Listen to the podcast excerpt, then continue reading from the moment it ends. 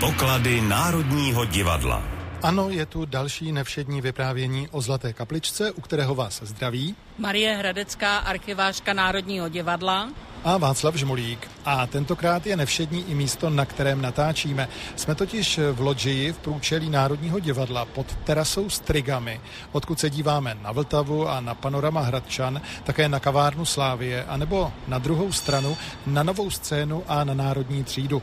Jenže my tu nejsme proto, abychom se rozhlíželi po okolí, ale proto, abychom zvedli hlavy nahoru a obdivovali malby, které zdobí prostor nad dveřmi, které do loďie vedou. A hlavně, abychom o nich vyprávěli. Kdo je Marie autorem těchto maleb? Výtvarník Josef Tulka, eh, který se narodil v roce 1846 v Nové Pace.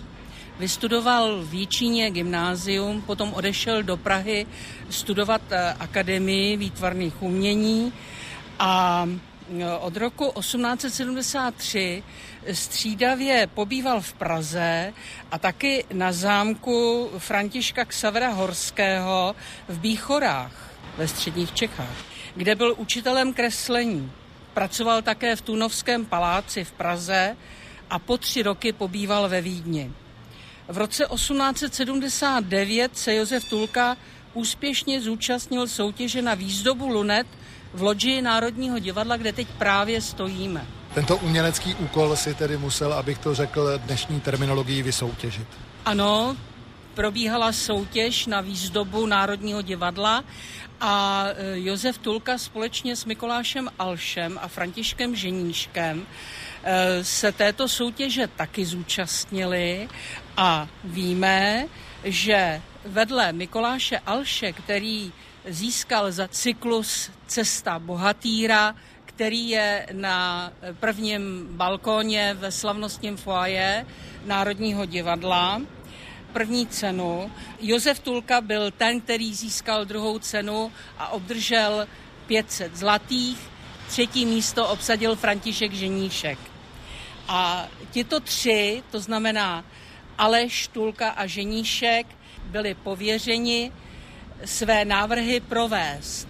Co následovalo pak? Když obdrželi ty ceny, tak současně přijali závazek studijní cesty do Itálie, aby se naučili od místních mistrů různé metody e, výtvarného umění na jaksi plochy v Národním divadle. Josef Tulka byl první, který odjel okamžitě v roce 1879, aby se v Itálii učil metodu al fresco. Teprve v Římě v květnu 1879 se sešel s Alšem a ženíškem. Po návratu domů namaloval tedy slavné lunety, na které my se teď díváme. Možná na vysvětlenou pro ty, kteří by to náhodou nevěděli. Lunety se říká výtvarným dílům, která mají takový půlkruhový měsíční tvar. Co na těch lunetách můžeme vidět? Je to cyklus pěti lunet, kde znázornil poezii Bohy národu dávající, píseň lásky, píseň zbožnosti, píseň utlačené svobody a píseň slávy. Když se vrátil z Itálie, tak okamžitě začal na těch svých návrzích pracovat a pustil se do výzdoby tohoto prvního balkónu. A je to vlastně velmi unikátní záležitost, která se dochovala v Národním divadle, protože skutečně je to malováno technikou al fresco, což je velmi vzácná záležitost, protože ten výtvarník musí pracovat po částech, pracuje s mokrou omítkou, pracuje po částech a pak se zase vrací a musí vlastně dodržet ten výtvarný celkový ráz. On pracoval v krátkých intervalech, například udělal jenom hlavu postavy a když eh, se restaurovaly tyto lunety, tak eh, restaurátoři zjistili, že například tu hlavu dělá až na 20 etap. Je to tedy výtvarná technika, která vyžaduje velikou trpělivost a Tulka na svých lunetách musel pracovat asi docela dlouho. Ano, v roce 1881 vlastně při prvním otevření ještě nebyly dokončeny. To lešení zde stálo a při požáru Tulka dál pracoval na svých lunetách a když začalo Národní divadlo hořet, tak on mm, slezl po hromosvodu a dostal se dolů a ten požár neponičil tuto loďi, tím pádem neponičil ani jeho práci. Okamžitě, když se začalo Národní divadlo znovu opravovat, tak Tulka pokračoval a svoje dílo dokončil v roce 1882. Když se podívám nad naše hlavy, tak eh, tam vidím eh, vedle lunet eh, také znaky měst. O jaká města jde? Jsou to takzvaná sponzorská města. Jsou to města, která přispěla na stavbu i výzdobu Národního divadla, takže jsou tam například znaky města Prahy, Plzně, Třebíče, Kroměříže, Kolína, Chrudimy, Hradce Králové, Jičína, Libochovic, Roudnice a dalších. A například město Třebíč věnovalo na Národní divadlo po požáru 797 zlatých. Což byly tenkrát nějaké peníze. To byly velké peníze a dokonce jsem zjistila, že existoval jakýsi studentský spolek v Třebíči a ten věnoval 100 zlatých. Studenti se takto praštili přes kapsu. Ano. Slíbili jsme, že přiblížíme také tajemný osud jejich tvůrce, tedy Josefa Tulky. Jaké tedy byly jeho další osudy, když domaloval tyto lunety? Když dokončil svoji práci v Národním divadle, tak Josef Tulka v lednu 1882 náhle opustil vlast. V některých záznamech jsem četla, že sousedka viděla, jak pálí všechny skici a nákresy, které doma měl a druhý den odjel. Poslední lístek, který odeslal do vlasti, byl z Terstu a zmizel kdesi v Itálii. No a vůbec se neví nebo nevědělo, co se s ním potom stalo? Byly pouze dohady. Existuje jakási vzpomínka, od eh, děkana Hrušky na to, jak v roce 1927 pan děkan Hruška se zúčastnil jakéhosi církevního sněmu v Itálii a protože měl dobré vztahy s Benediktíny, tak požádal opata, aby mohl navštívit klášter Monte Cassino, benediktínský klášter.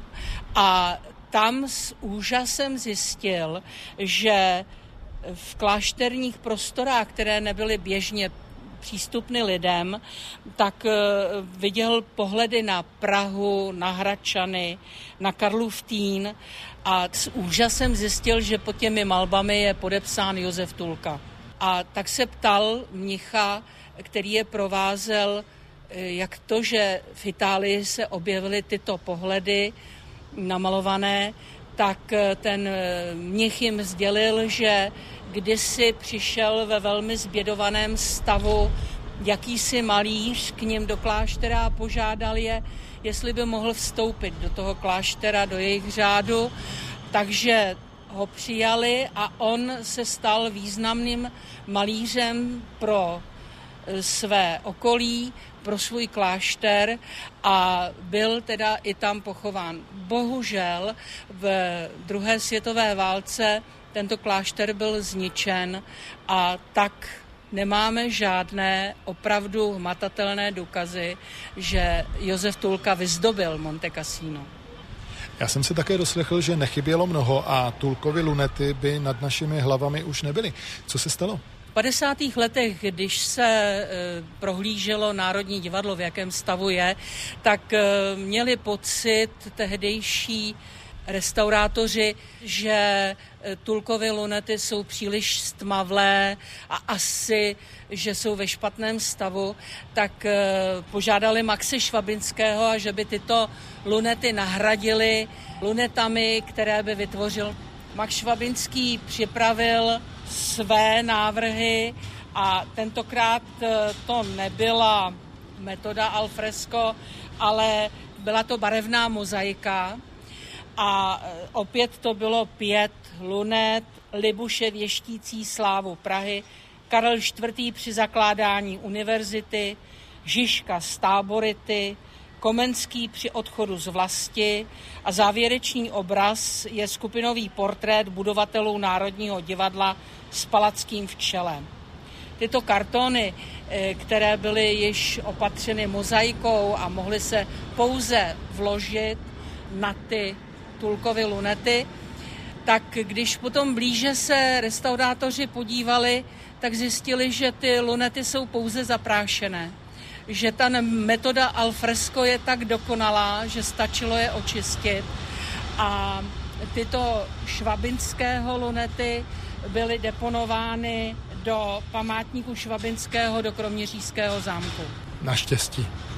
Naštěstí. No a tak eh, Tulkovy lunety dál zdobí loďi historické budovy Národního divadla. Právě o nich eh, jsme si povídali v dnešním vydání pořadu Poklady Národního divadla. Z balkonu na průčelí historické budovy Zlaté kapličky se s vámi pro tentokrát loučí Marie Hradecká, archivářka Národního divadla a Václav Žmolík. Za týden v tomto čase se opět těšíme. Naslyšenou. Naschledanou.